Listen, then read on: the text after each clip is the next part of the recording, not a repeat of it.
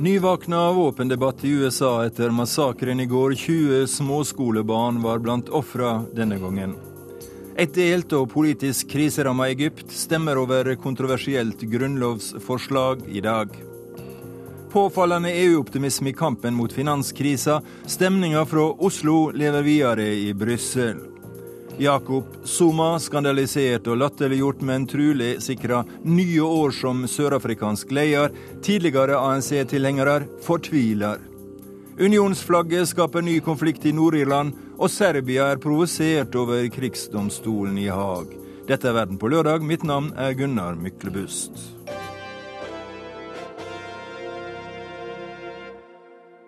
Vi begynner sendinga med skolemassakren i den vesle byen Newtown i Connecticut på østkysten av USA. En 20 år gammel mann tok i går altså 27 menneskeliv, der blant disse 20 småskolebarn. Og Anders Tvegård, du er i Newtown. Hvordan er det der akkurat nå? Det er uh, sorg i uh, Newtown. I natt har uh, alle kirker vært åpne. Det var minnegudstjeneste og tenning av lys. Ondskapen har vært i lokalsamfunnet i dag, sa guvernøren.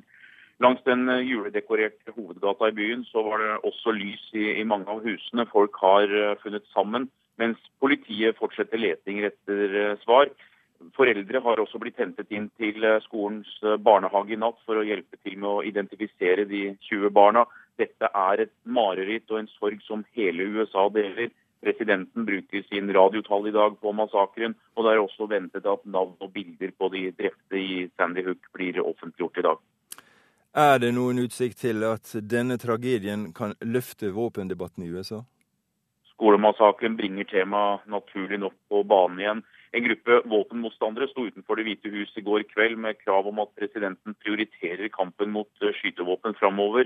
Obama sa selv i sin eh, tale i går at det er på tide å gjøre noe for å få slutt på massakre og skyteepisoder, men han var ikke konkret.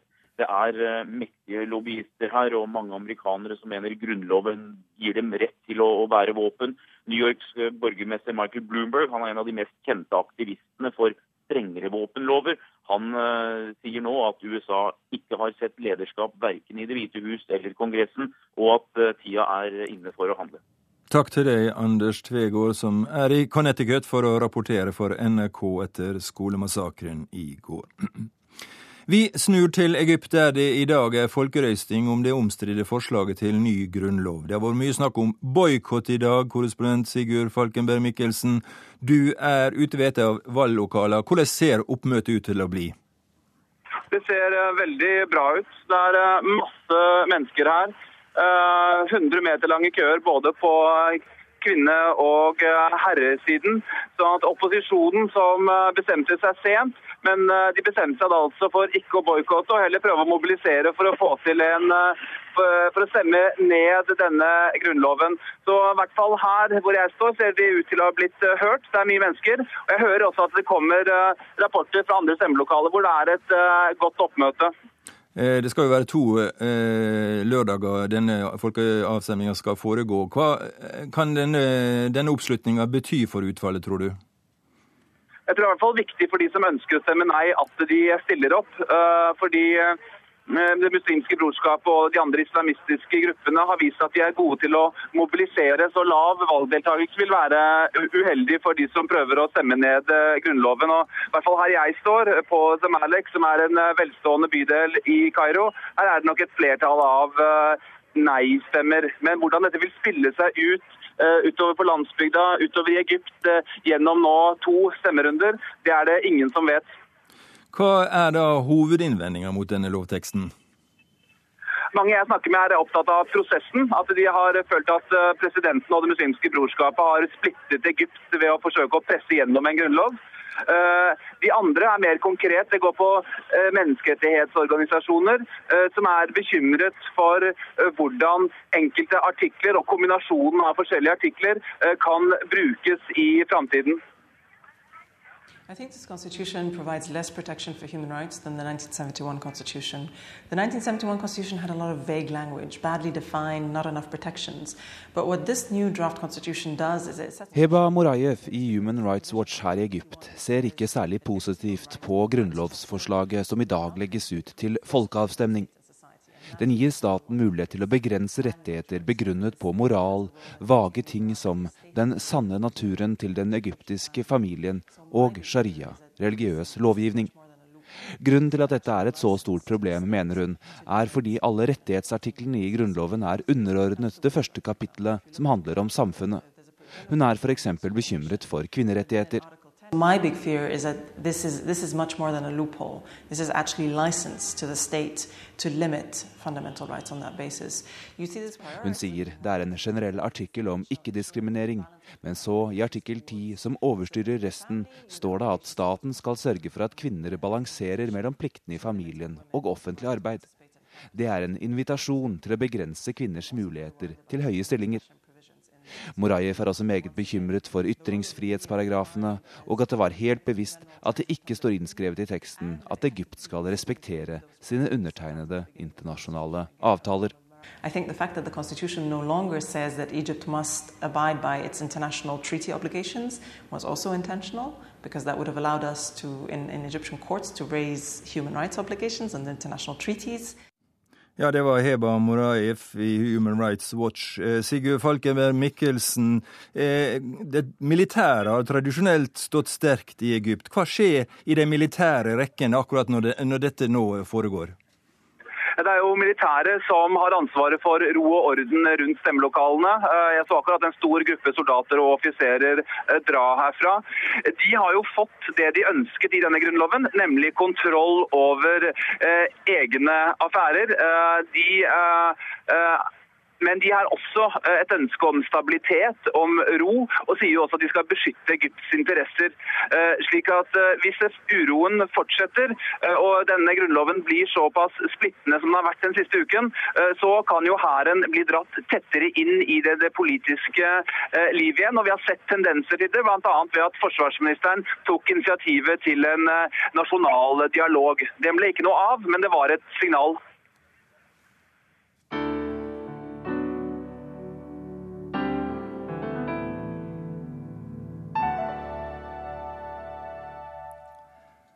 Stats- og regjeringssjefene i EU avslutta i går det siste toppmøtet sitt i år, og stemninga var overraskende oppløfta, etter et år der lederne i unionen har gått fra ene krisemøtet til det andre. Noen av de fremste EU-lederne våger til og med å mene at den verste krisa er over, og at EU nå er på fast kurs mot bedre tider. Arnt Stefansen har laga denne reportasjen. Frankrikes president Francois Hollande kommer til Justus Lipsius, EUs rådsbygning i Brussel, for siste gang dette året. Hans drøye halvår ved makten har stort sett handlet om å skuffe sine velgere etter at han lovet en kursendring i den europeiske krisepolitikken med større vekt på vekst og nye arbeidsplasser. Men denne kjølige fredagen i EU-hovedstaden slår han an en optimistisk tone. Euh, Dette er en god dag for Europa, og vi har gjort store fremskritt i månedene som har gått siden EU-toppmøtet i juni, sier den franske presidenten. Den gang så alt veldig mørkt ut, og euroens fremtid var svært usikker. Nå har vi krisa under kontroll, og vi er i ferd med å få viktige institusjoner på plass. Det nye banktilsynet som vi er blitt enige om på dette møtet, er veldig viktig. For vi skal huske at det var bankene hele denne krisa startet med, sier Frankrikes president Francois Hollande.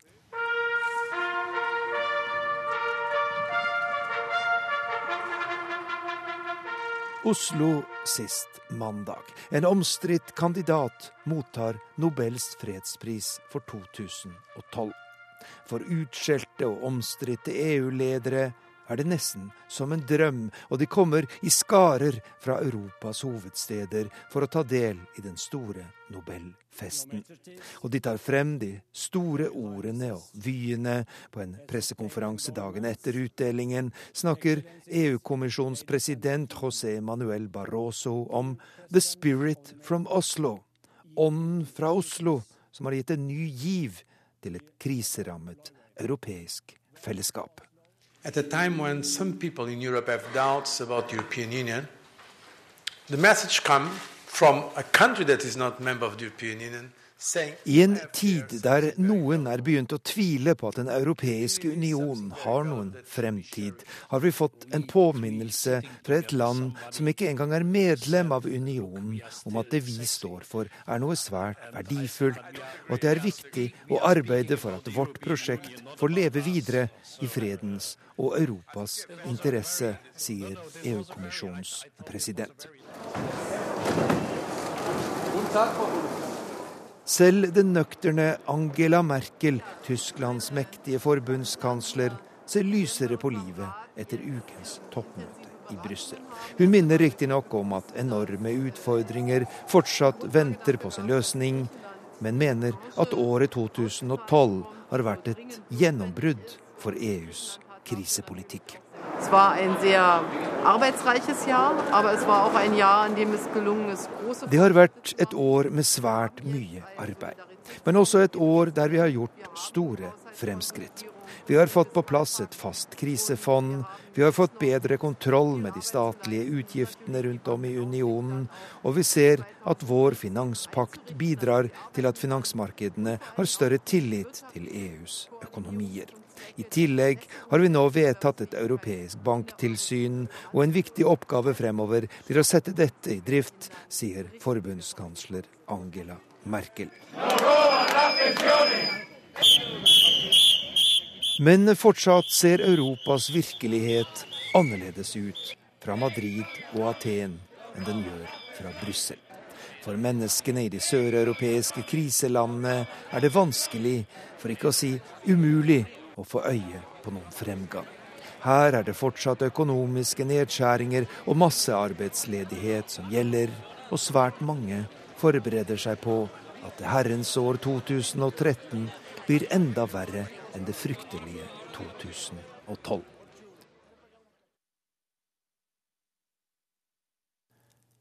Jeg og resten av Spanias pensjonister har fått harde nedskjæringer i våre pensjonsutbetalinger, sier en av deltakerne i en demonstrasjon i Barcelona i går. Vi må betale mye mer for medisiner enn det vi gjorde før krisa rammet oss, og vi må også betale en egenandel hvis vi trenger ambulanse. Slik er vår virkelighet, og vi skjønner ikke hva våre myndigheter og EU-lederne snakker om når de prøver å fortelle oss at det verste er over, sier pensjonisten i Barcelona. Store ord fra EU-ledelsen i Brussel, Ola Storeng. Du er økonomiredaktør i Aftenposten. Er du like optimistisk? Det er det jo heller ikke alle EU-lederne som faktisk eh, er. Eh, først skal vi jo si at eh, når man nå får et eh, banktilsyn, så er det et eh, skritt som i ettertid kan vise seg å være viktig på veien mot eh, et ordentlig velregulert finansielt marked. Men det viktigste er egentlig at vi har fått en enighet i Brussel som er på tyske premisser, og det betyr først og fremst at det er satt klare grenser for hvor fort man skal gå fram. Man skal en eller annen gang få et system for å håndtere en ny eurokrise, men man har ingen enighet om hvordan, skal, hvordan man skal håndtere den krisen som vi er midt oppi. Faktisk så lovte EU-lederne for et halvt år siden at de skulle skyte kapital rett inn i spanske banker. Det de nå har bestemt, er at de ikke skal levere. Men vi snakker altså om et instrument for å ta høyde for framtidige kriser, og vi er kommet like langt altså med den nåværende krisa? Ja, jeg vil si det sånn. Eh, det går på hvem som skal betale regninga. Den tyske oppskriften er først og fremst å lage reguleringer som gjør det vanskelig for banker og for stater å havne i et økonomisk uføre i, eh, i fremtiden. Frankrike og andre land vil at hvis så da skulle skje, så må EU være med og ta regningen. Og aller helst så ville de også at EU skulle være med i større grad og ta regningen for den festen, den lånefesten som ligger eh, bak oss. Men det skjer ikke. Og hvis jeg får lov å sitere eh, den eh, Luxemburgs statsminister Jean-Claude Juncker, så sa han i dag morges at det har åpnet seg opp en splittelse mellom de medlemslandene som vil sette, få på plass en solidarisk mekanisme for landene som blir berørt av det han kaller eksterne sjokk og interne negative utviklinger. En, splitt, en splittelse mellom disse og mellom dem som vil bare ha nasjonale løsninger. Og det siste er altså Tyskland. Hver nasjon ordner opp for seg selv der hvor vi er nå. Det franske synet er felles løsninger. Men eh, hvordan skal vi da tolke disse her gode ordene som kommer fra Brussel? Altså, det viktige er jo at for et år siden så sto eh, eurosonen overfor en krise som truet med å bli akutt. Bankene greide nesten ikke å refinansiere seg, og mange var redd for hvordan det skulle gå med Italia og Spania. Eh, I løpet av dette året så har Den europeiske sentralbanken på en avgjørende måte, måte kjøpt mer tid for EU ved å hjelpe bankene å refinansiere seg, og på visse vilkår i prinsippet si seg villig til også å hjelpe Spania og, eh, og Italia. Lettelsen over dette er så enorm at det blir veldig lett å overspille det som er eh, oppnådd. Det man har kontroll over, er altså denne akutte trusselen mot, mot euroen, samtidig som vi ser konturene av et fremtidig byggverk. Men for de to millioner ekstra som har mistet jobben i Europa det siste året, så er det ikke noen eh, løsning. Spania og Hellas har 25% arbeidsledige. Og hvis noe, så tyder jo alt på at arbeidsledigheten i Europa skal øke neste år.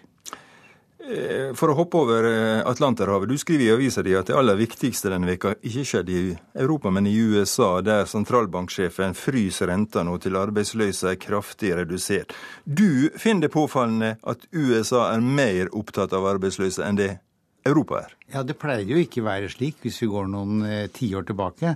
Men forklaringen på dette er jo ikke at eh, Amerika har blitt snille og europeere og tyskere har blitt slemme. Hovedforklaringen er at de har forskjellige politiske og institusjonelle begrensninger. Det er mye lettere å eh, satse friskt i USA, trykke penger f.eks., når pengene skal bruke for å hjelpe amerikanere og ikke for folk i nabostatene. Eh, mens i, i, det tyske tilfellet så er jo da en amerikansk eh, politikk, om du vil, med vekt på å få ned arbeidsledigheten, det er jo sam, samtidig det samme som å si at Tyskland er i prinsippet villig til å ta mer av regningen for Hellas og Spania. USA slipper eh, å ta regningen fra, for sine naboland hvis de skulle komme ut i et uføre. Er det som skjer nå i USA med eh, dette eh, økonomiske stup og sånne ting, er det bare et spill som kommer til å løse seg på nyttårsaften? Jeg tror det er et veldig alvorlig spill. Og jeg tror det er mest sannsynlig at det får en løsning før, før, nyttårsaften. Men det er også en veldig paradoksal situasjon her, fordi USA har jo faktisk gjennom en, men riktignok på en veldig spesiell måte, tatt fatt alltid de langsiktige finansproblemene eller budsjettproblemene ved å si at det skal kuttes, og eh, de har laget en automatisk mekanisme for hvordan det skal skje, samtidig som skatten økes. Hvis man ikke blir enige om noe mer, hva skal jeg kalle det, en mer fintilpasset eh, medisin. Og så oppdager man plutselig at det man har blitt enige om, eller den automatiske mekanismen man har satt i sving, den vil virke så kraftig at det kan være tilstrekkelig til å utløse et, eh, et kraftig tilbakeslag i USA. Og alle er livredde og er enige om at det er galt. På tross av at det er jo egentlig peanøtter i forhold til de nedskjæringene vi ser i Sør-Europa. Men tviler du på at det blir en løsning? Altså, Det kan alltid gå galt når man har det som kalles eh, et sånn game of chicken på kanten av, eh, av, stupet. Men det er så mye som står på spill at amerikanerne selvsagt har en stor eh, det er livsfarlig for begge sider i politikken at de ikke kommer til løsning, for de kan risikere at det er de som får ansvaret.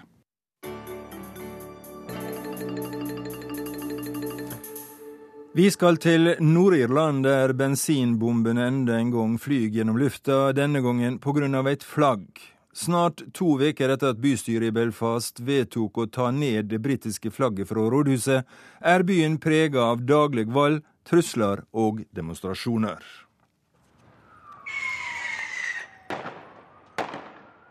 Igjen smeller det i Belfasts gater. De siste to ukene har følelser og sinne tatt overhånd hos opprørske unionister i Nord-Irland. Fyrverkeri mot politi, 29 skadde politifolk.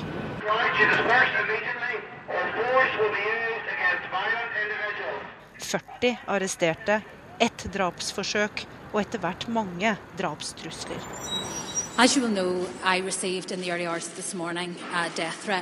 Naomi Long er en av politikerne som de siste dagene er blitt truet på livet.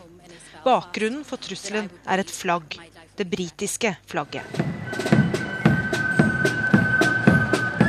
Union Jack prydet rådhuset i Belfast da den protestantiske oransjeordenen tidligere i høst marsjerte forbi i en hyllest til de som førte til den britiske union. Slik flagget har prydet bygningen hver eneste dag året rundt. Men 3.12. i år stemte Belfasts politikere for å redusere flaggingen til kun noen utvalgte høytidsdager hvert år. Et demokratisk vedtak som førte til enorme reaksjoner i en splittet befolkning der nasjonalistiske symboler har en svært viktig betydning. This is a difficult time for Northern Ireland, and I recognise that there is hurt in the community about flags and emblems. But flags and emblems are only one issue, one difficult issue that we need to learn to deal with.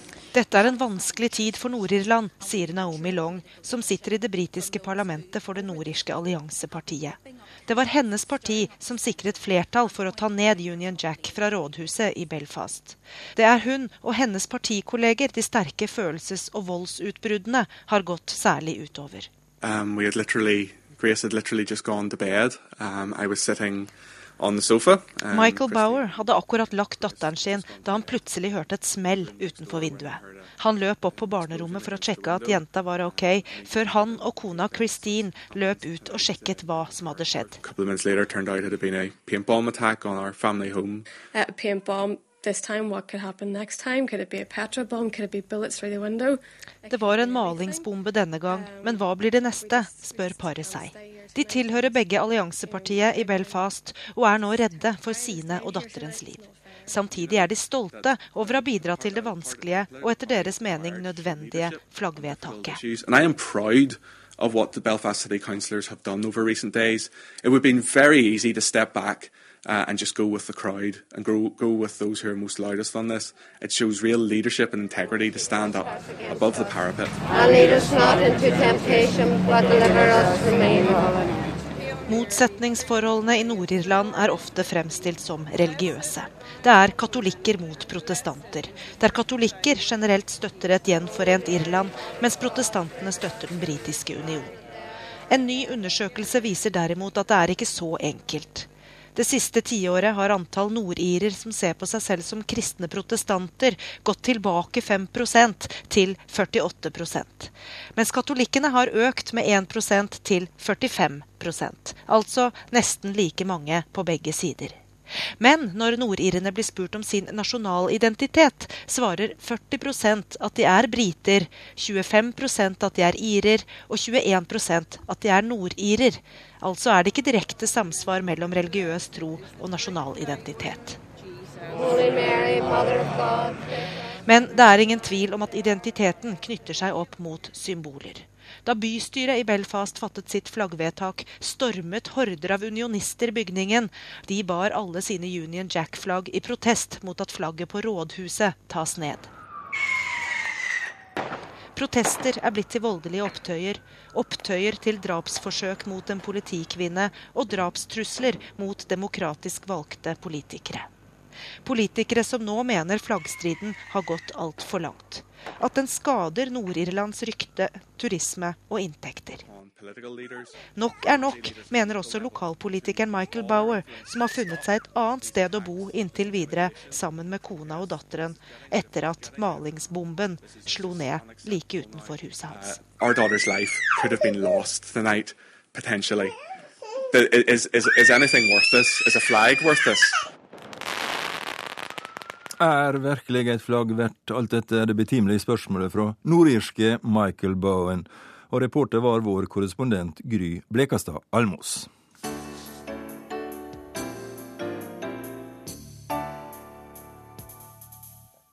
Den internasjonale krigsforbryterdomstolen for det tidligere Jugoslavia skaper splid på Balkan. Nylig frikjente domstolen i Haag to kroatiske generaler og en tidligere kosovo-albansk statsminister.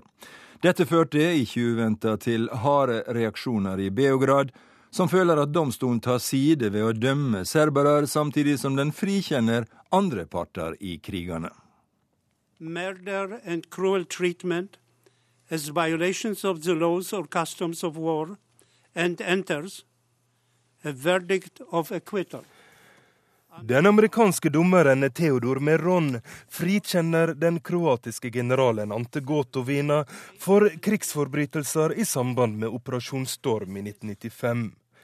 Gotovina var opphavlig dømt til 24 år i fengsel for overgrep mot etniske serbere i Kraina, et område mellom Bosnia og Kroatia.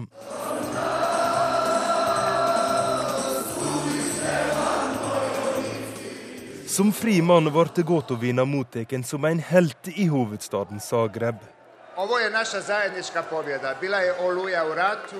Der var en storm i krigen, og dette var en juridisk storm. Vi har vunnet, dette er slutten, sa general Gotovina. Men i Serbia var dette bare begynnelsen på en bitter ordkrig mot domstolen i Haag. President Tomislav Nikolic hevda frikjenninga var bevis på at domstolen var et politisk verktøy. Årsaka er enkel. Kroatia skal få lov til å bli medlem av EU fullstendig reinvaska, samtidig som en dømmer det serbiske folket, sa Nikolic. Samtidig i Kroatia nådde feiringa av Gotovina nye høgder. Hrvatska se ponosi svojim vitezovima, generalima. Den katolske erkebiskopen Selimir Puljic velsigna generalen i byen Sadar på Kroatia-kysten. En av flere byer Gotovina nå er blitt æresborger. Men den tidligere så profilerte aktoren Carla del Ponte synes frikjenninga av Gotovina var overraskende. Ma io sono stata molto, molto sorpresa questa mattina.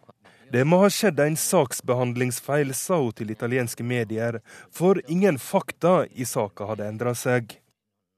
Og i Serbia påpeker de at domstolen som frikjente Gotovina, var splitta to mot tre.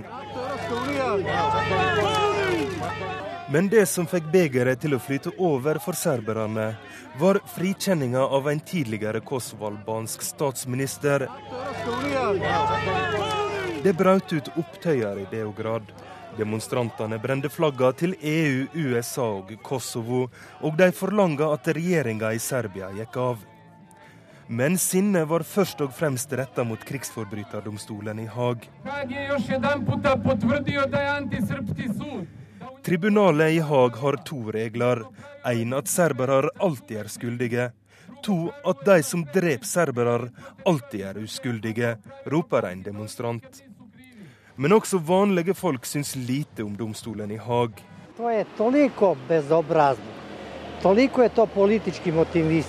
Dette er så frekt. Det er politiske motiv bak.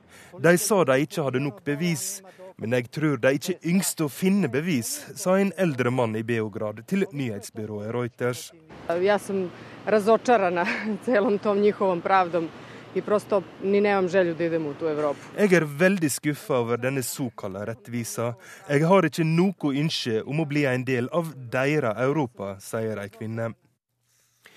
Igjen hevder serbiske styremakter at domstolen var et politisk verktøy for stormaktene. Dette er forskjellsbehandling, sa statsminister Ivica Dacic. Det internasjonale samfunnet og FN burde skjemmes fordi de oppretta denne domstolen. Hvordan kan du dømme våre presidenter og generaler samtidig som du frikjenner noen andres? Men i Kroatia er det fest. Krigshelten Gotovina er heimkommen. Og til neste år blir Kroatia medlem av EU. Og det sa reporter Roger Severin Bruland.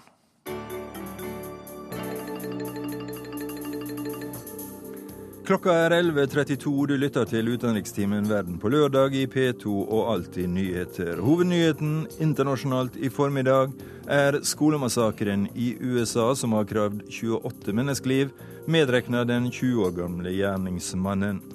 Vi har hørt om EU-optimisme i kampen mot eurokrisa, om serbisk frustrasjon overfor krigsdomstolen i Haag og nordirsk flaggstrid.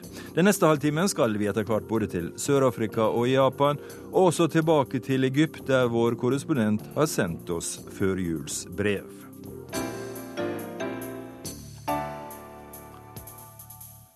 I morgen kommer det sørafrikanske regjeringspartiet ANC sammen til landsmøte, der 4000 utsendinger skal velge lederskap og dermed også sannsynligvis bestemme hvem som kommer til å være president i Sør-Afrika de neste åra. Selv om visepresident Kalima Montlante stiller som mot president Jakob Zuma, er det lite som tyder på endring i toppen. ANC-møtet åpner med et dystert bakteppe rapporterer korrespondent Lars Sigurd Sunnanå.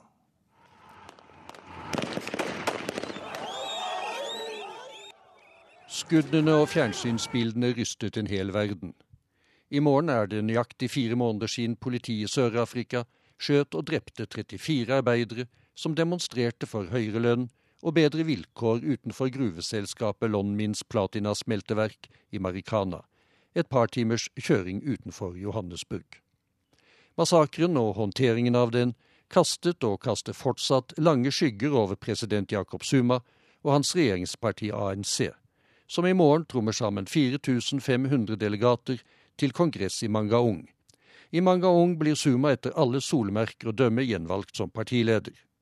Og etter valget på ny nasjonalforsamling i Sør-Afrika i 2014 er det all grunn til å tro at han også får fortsette som landets president, siden det er parlamentet som velger presidenten og siden ANC, også etter alle solemerker å dømme, vil beholde flertallet i nasjonalforsamlingen når valget er over.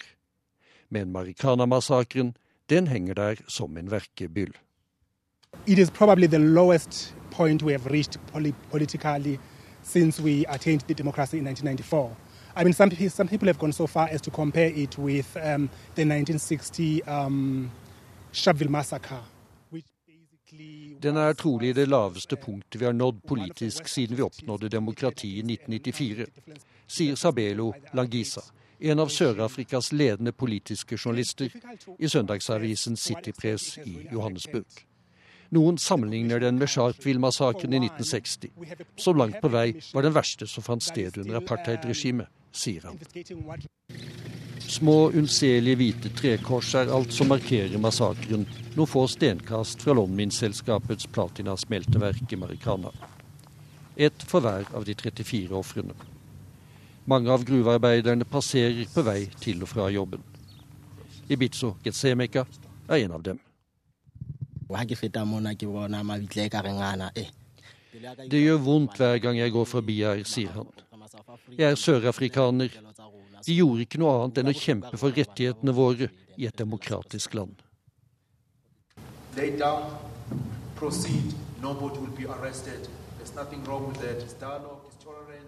En politisjef forklarer seg i samfunnshuset i Rostenburg, nabobyen til Marikana, om hva som skjedde 16.8. En offentlig granskningskommisjon har høring og prøver å kartlegge tragedien. Men det er ikke bare politiets atferd som granskes. Sør-Afrikas viktige gruveindustri er vel så mye i søkelyset etter hvert som granskningen skrider frem. As you would have noticed, a lot of these uh, mining communities have had have had like shacks mushrooming all, all, all over the place. So housing definitely has not been very good. But Som du har sett i gruvesamfunnet skyter blikkskuene opp som paddehatter, sier Sabelo Langisa. Det er ikke snakk om skikkelig husvære. Det er fortsatt som under apartheid. Arbeiderne hentes inn fra alle kanter av landet, jobber vekk fra familien sine og får elendig lønn og vilkår noe som forklarer alle streikene i gruveindustrien i høst. Og mens den politiske eliten kommer sammen til ANC-konferansen, sitt tidligere støttespillere og ser den stolte frigjøringsrørsla til Nelson Mandela forfalle i korrupsjon, nepotisme og skitten maktkamp. Den som er mest deprimert, er kanskje den berømte forfatteren André Brink. Tom Christiansen har møtt han. Shame. It is a disgrace for the ANC itself to be doing that to their own legacy, to care so little for their own future, even if they don't care a damn about the millions around them. Intet mindre enn en skam. Det er usømmelig for ANC å ha et lederskap som vanærer arven fra Nelson Mandela, Oliver Tambo og Albert Lutuli. Jeg kjente dem alle. André Brink lever midt i det. Han bor i Cape Town og har levert sin siste bok om slaveri i sin egen familie. Men så innhentes han av dagens hendelser. Nå er det kongress i ANC, og der skal lederskapet hylles. Mange av dem er plutselig blitt rike, og bryr seg lite om millionene som er fattige. Det betyr ikke noe for dem, sier Brink. De har forrådt tradisjonen i denne stolte bevegelsen. Det er hinsides min begripelse. Og Brinks skuffelse går dypt over moralen som forsvant i ANC. I am also shocked and pained to see how many of the dreams which we all had, if I say we all, I mean everybody who's Han kjente dem jo alle fra eksil. André Brink kunne reise og møtte dagens lederskap mens de var unge og drev kampen fra Lusaka og London, Stockholm og Moskva. Jeg ble sjokkert, det var en pine, sier André Brink, å se drømmene gå opp i røyk. Vi hadde et slikt håp da Mandela overtok i 1994, mye av det var urealistisk, men vi trodde alt ville snu. Jeg kjente jo dette lederskapet, og måten de opptrådte på gjorde meg trygg på at noe nytt og radikalt skulle komme, men jeg burde visst bedre. The way in which I had come to know at least a core of the leadership of the ANC in exile before our changeover did give me reason to expect not just a, the sort of political change that you get when there is an election anywhere, but to come to expect something radical and profound. Men hva var det som gikk galt? Var det mangel på kunnskap? Var det grådighet? I wish I could give you a straight and simple answer. We had reason to expect more, Tenk på det, sier Brink. Vi hadde to av verdens mest bemerkelsesverdige skikkelser her samtidig, Nelson Mandela og Desmond Tutu. De skjemte oss bort. Vi trodde det ville bli slik de sa. Men resten var ikke av samme kaliber. Det var feil at Mandela gikk etter fem år, men han ville ikke bli nok en afrikansk leder som bare ble sittende og sittende. Og så kom sammenbruddet, og det kom fort. Først med president Thabo Mbeki, som benektet at aids var en sykdom, som ikke bekjempet kriminaliteten fordi kritikken kom fra vestlige land, og så selveste katastrofen, Jakob Zuma.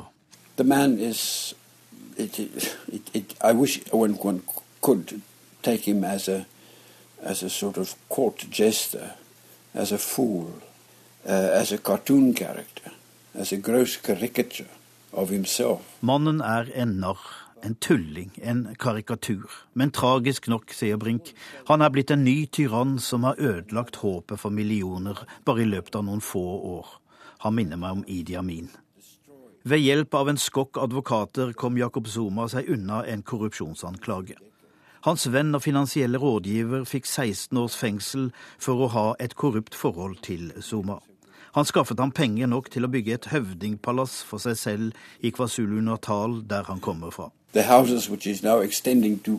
all the members of his cabinet. I, I believe it's going to cost a thousand million rand now to build these extravagant palaces at a time when millions of people are suffering hunger and deprivation in the country the very people for whom the ANC first made their revolution. Huset blir nå utvidet med nye statspenger.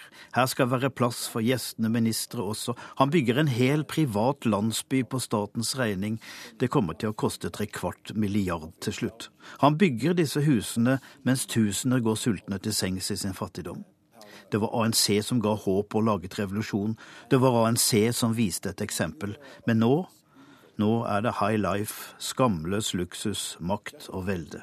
The lure of this evil, because it's no less than an evil, just became more and more, and Zuma indulges that desire by the flaws of his character. Hans slette karakter står på utstilling. Han er for liten til å bli kalt en tragisk helt. Nå kan han bare kjøre løpet og få se hvor lenge det kan gå og briljante akademikere jeg kjente. De er talsmenn og ministre og følger etter. Heltene fra eksil, søylene fra Robben Island, de danser etter Sumas fele i et håp om å grabbe til seg nok. Han har tre koner og en forlovede, pluss atskillige elskerinner. Mange av dem er barn av hans kamerater fra kampen mot apartheid. Til sammen er det blitt 24 unger. It is a joke, and a very bad joke, and an obscene joke. But in its consequences for the country, it is a tragedy. It is not a joke at all. It is, it is a horror story. Å ha flere koner vekker ingen oppsikt i Sør-Afrika, sier Brink. Men det er måten han driver sine kvinnehistorier på. Han har gjort seg selv til en tosk med sin mangel på anstendighet. Dette begjæret etter unge kvinner, denne selvnytelse over egen makt til å legge dem ned. Men han mangler noe, sier Brink. Han har ikke det utstyret som det trengs for å styre et land med 40 millioner mennesker. Han styres av vrangforestillingene om sin egen storhet. Zuma selv satt på Robben Island. Han ble etterretningssjef for ANC i eksil. Han har levd i nærheten av de store. Men That incredible fool Zuma has done his best without even knowing it to destroy it. And one can only hope that some unexpected particle of that will somehow survive to turn South Africa into something closer to the place it started off being in 94 and which it still has the possibility of recreating provided they don't postpone it for too long. Denne utrolige Tosk har gjort sitt beste, selv uten å vite det, for å ødelegge alt det ANC sto for. Så jeg får bare håpe, sier André Brink, at et uventet blaff på en partikongress en dag kan snu og gjøre Sør-Afrika til det hun var ment å bli.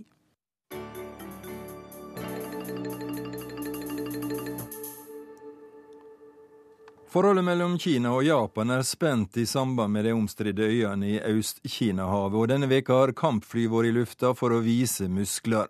Sammen med en økonomi som sliter og hyppige skifte av statsminister, er dette bakteppet for valget i Japan i morgen. Reporter Philip Lote.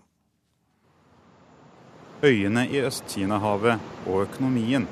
Kanskje omtrent slik vil den gjengse kvinne eller mann i gaten oppsummere hva valget i Japan dreier seg om.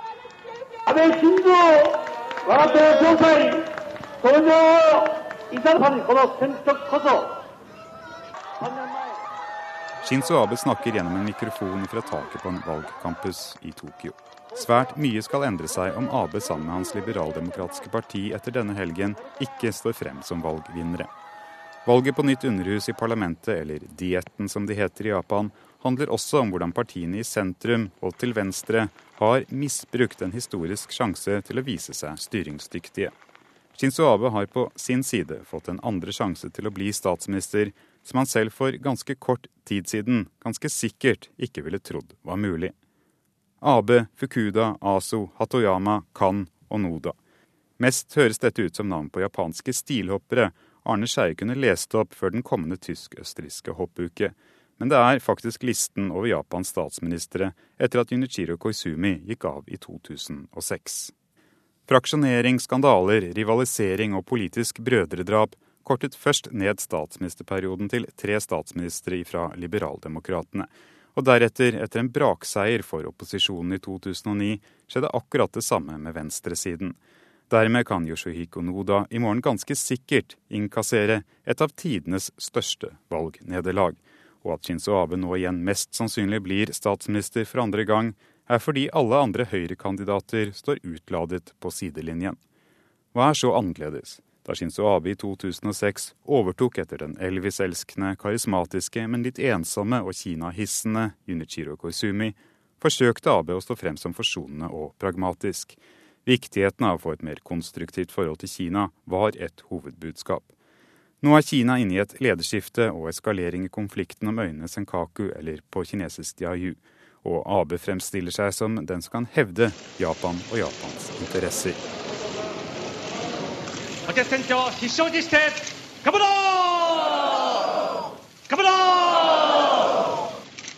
Først og fremst vil jeg uttrykke min vilje til å beskytte Senkaku-øyene og vårt territorialfarvann, sa Abe da han la frem sitt valgmanifest. Ikke det at AB egentlig trengte en spiker å slå ned i den sittende regjeringens kiste.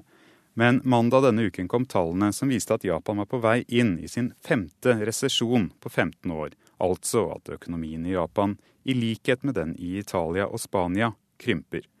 AB har lenge kritisert både regjeringens og sentralbankens politikk, og lovet at han vil både trykke sedler og la igjen falle i verdi for å styrke Japans eksport. Det eneste positive i de offisielle tallene denne uken var at salget av japanske biler i Kina er i ferd med å ta seg opp igjen. Men hvor gunstig er dette egentlig, hvis du går til valg på å føre en tøffere linje overfor Beijing? Det er ikke usannsynlig at Abe som statsminister for andre gang, igjen, men denne gang litt mindre høylytt, vil forsøke å gjøre det han begynte på første gang, å føre en pragmatisk politikk overfor Kina. Men hvor lett dette blir, er usikkert. I løpet av de siste seks årene har det kommet nye stemmer, og til høyre for liberaldemokratene har det dukket opp populistiske partier med navn som Daggry og Soloppgang. De vil neppe la være å kritisere noe som de oppfatter som en ettergivenhet overfor Kina. Og Kina vil på sin side neppe la være å bemerke hvor sårbare Japans interesser i Kina er, om de nye høyrepartiene får lov til å påvirke Japans utenrikspolitikk i litt for stor grad.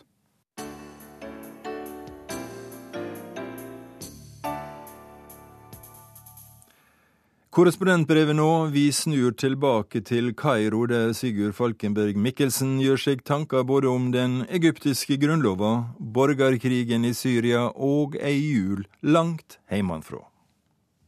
Vi er kommet til den tiden på året da jeg som Midtøsten-korrespondent gjerne skulle fortelle om julefeiring i Betlehem, alternativt underholde med en anekdote fra en av Egypts ørkenoaser. Det blir ikke noe av.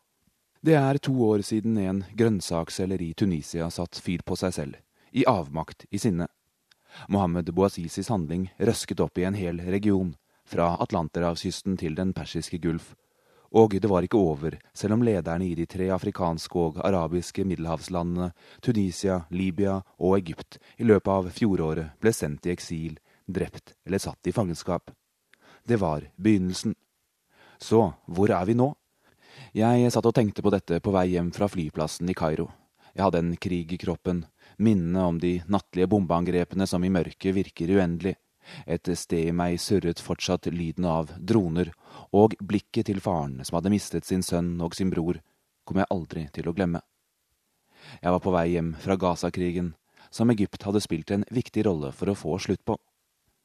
Men jeg kom ikke hjem til et land som samlet så framover mot ny innflytelse i Midtøsten.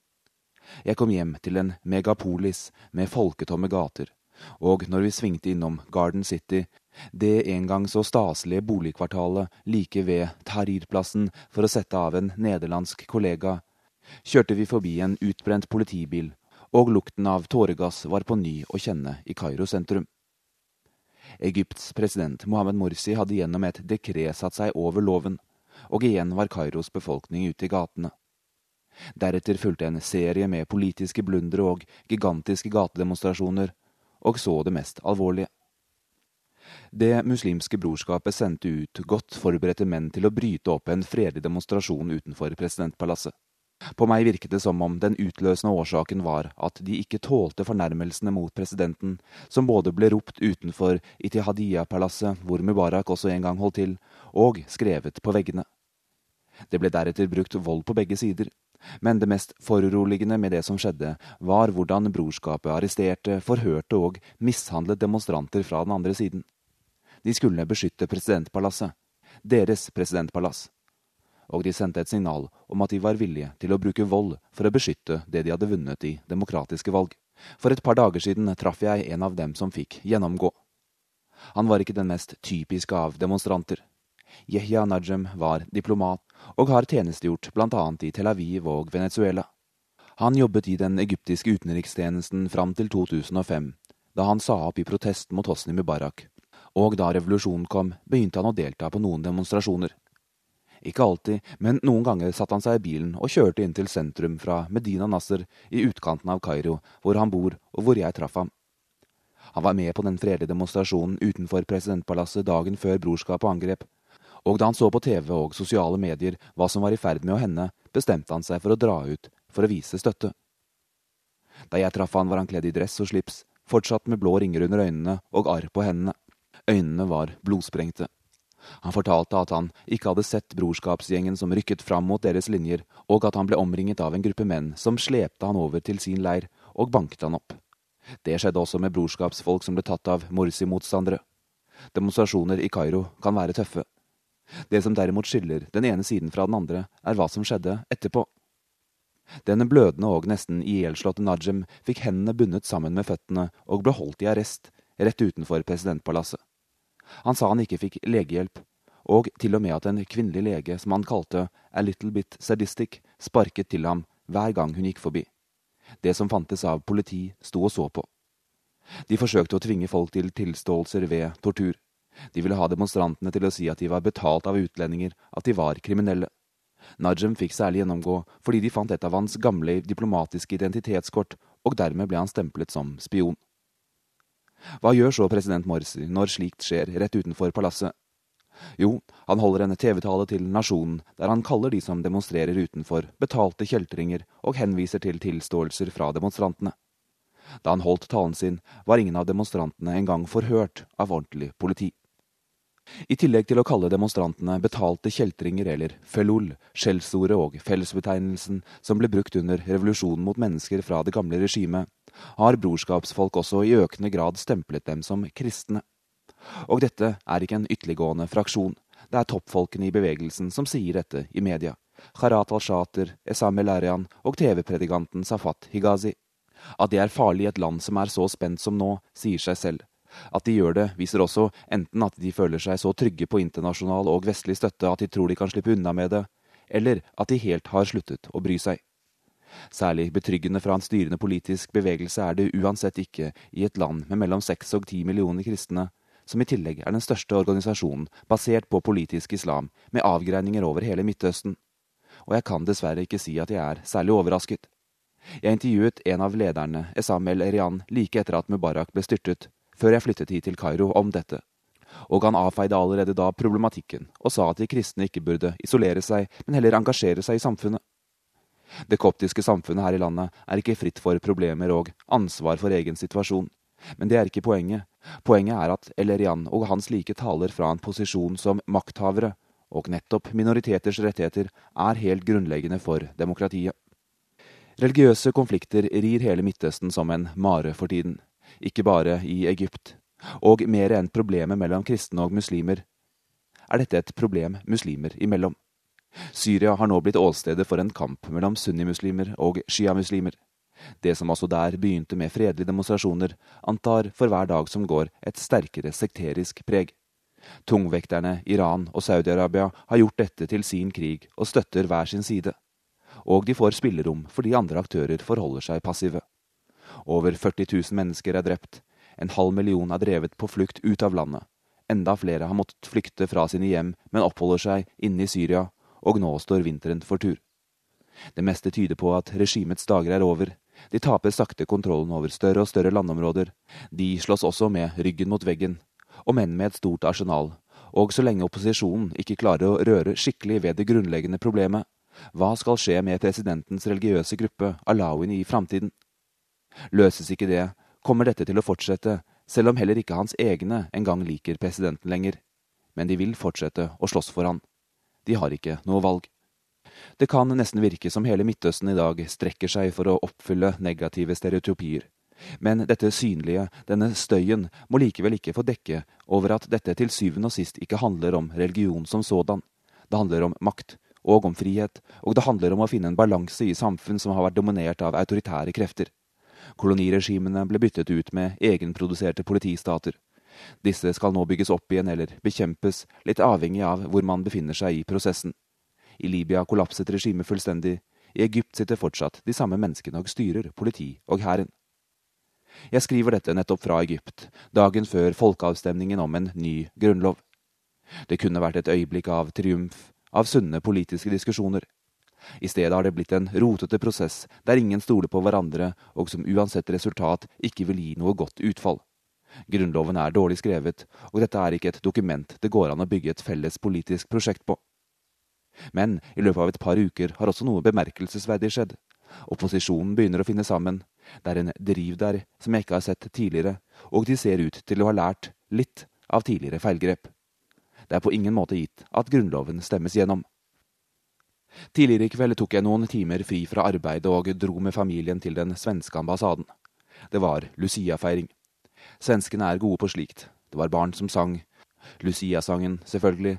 Og nå tennes tusen julelys, Staffan var en stalledreng, og en masse sanger som jeg aldri hadde hørt.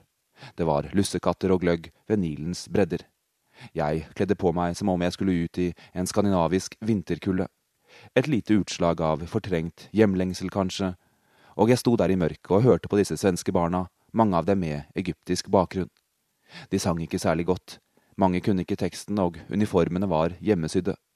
Det kunne like godt vært en norsk skoleavslutning, med andre ord. Det hanglet, det skranglet, men det var ekte, og jeg holdt på å begynne å grine. Jeg unnskyldte meg selv med at jeg var for trøtt, for sliten og dermed lett påvirkelig. Det var kontrasten, selvfølgelig, mellom dette svenske Lucia-opptoget og virkeligheten ute på gata, men også noe mer grunnleggende som presset seg fram. En tanke om hvor uendelig komplisert politikk kan være, fordeling av knappe ressurser og av makt. Det er det som utspilles i Midtøsten nå, uten filter.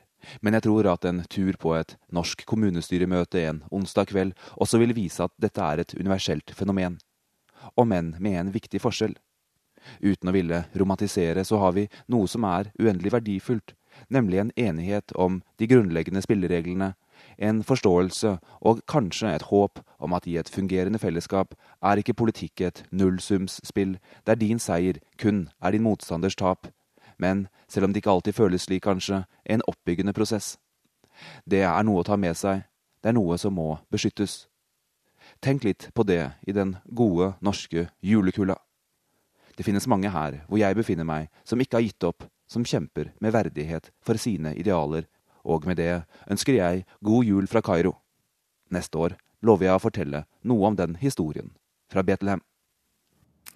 Denne utenrikstimen er slutt. Et utdrag kan du gjenhøre på P2 etter Dagsnytt klokka 16.30. Og vi som serverte det, var Per Ivar Nordahl, Susanne Sunde Bakke og her i studio Gunnar Myklebust.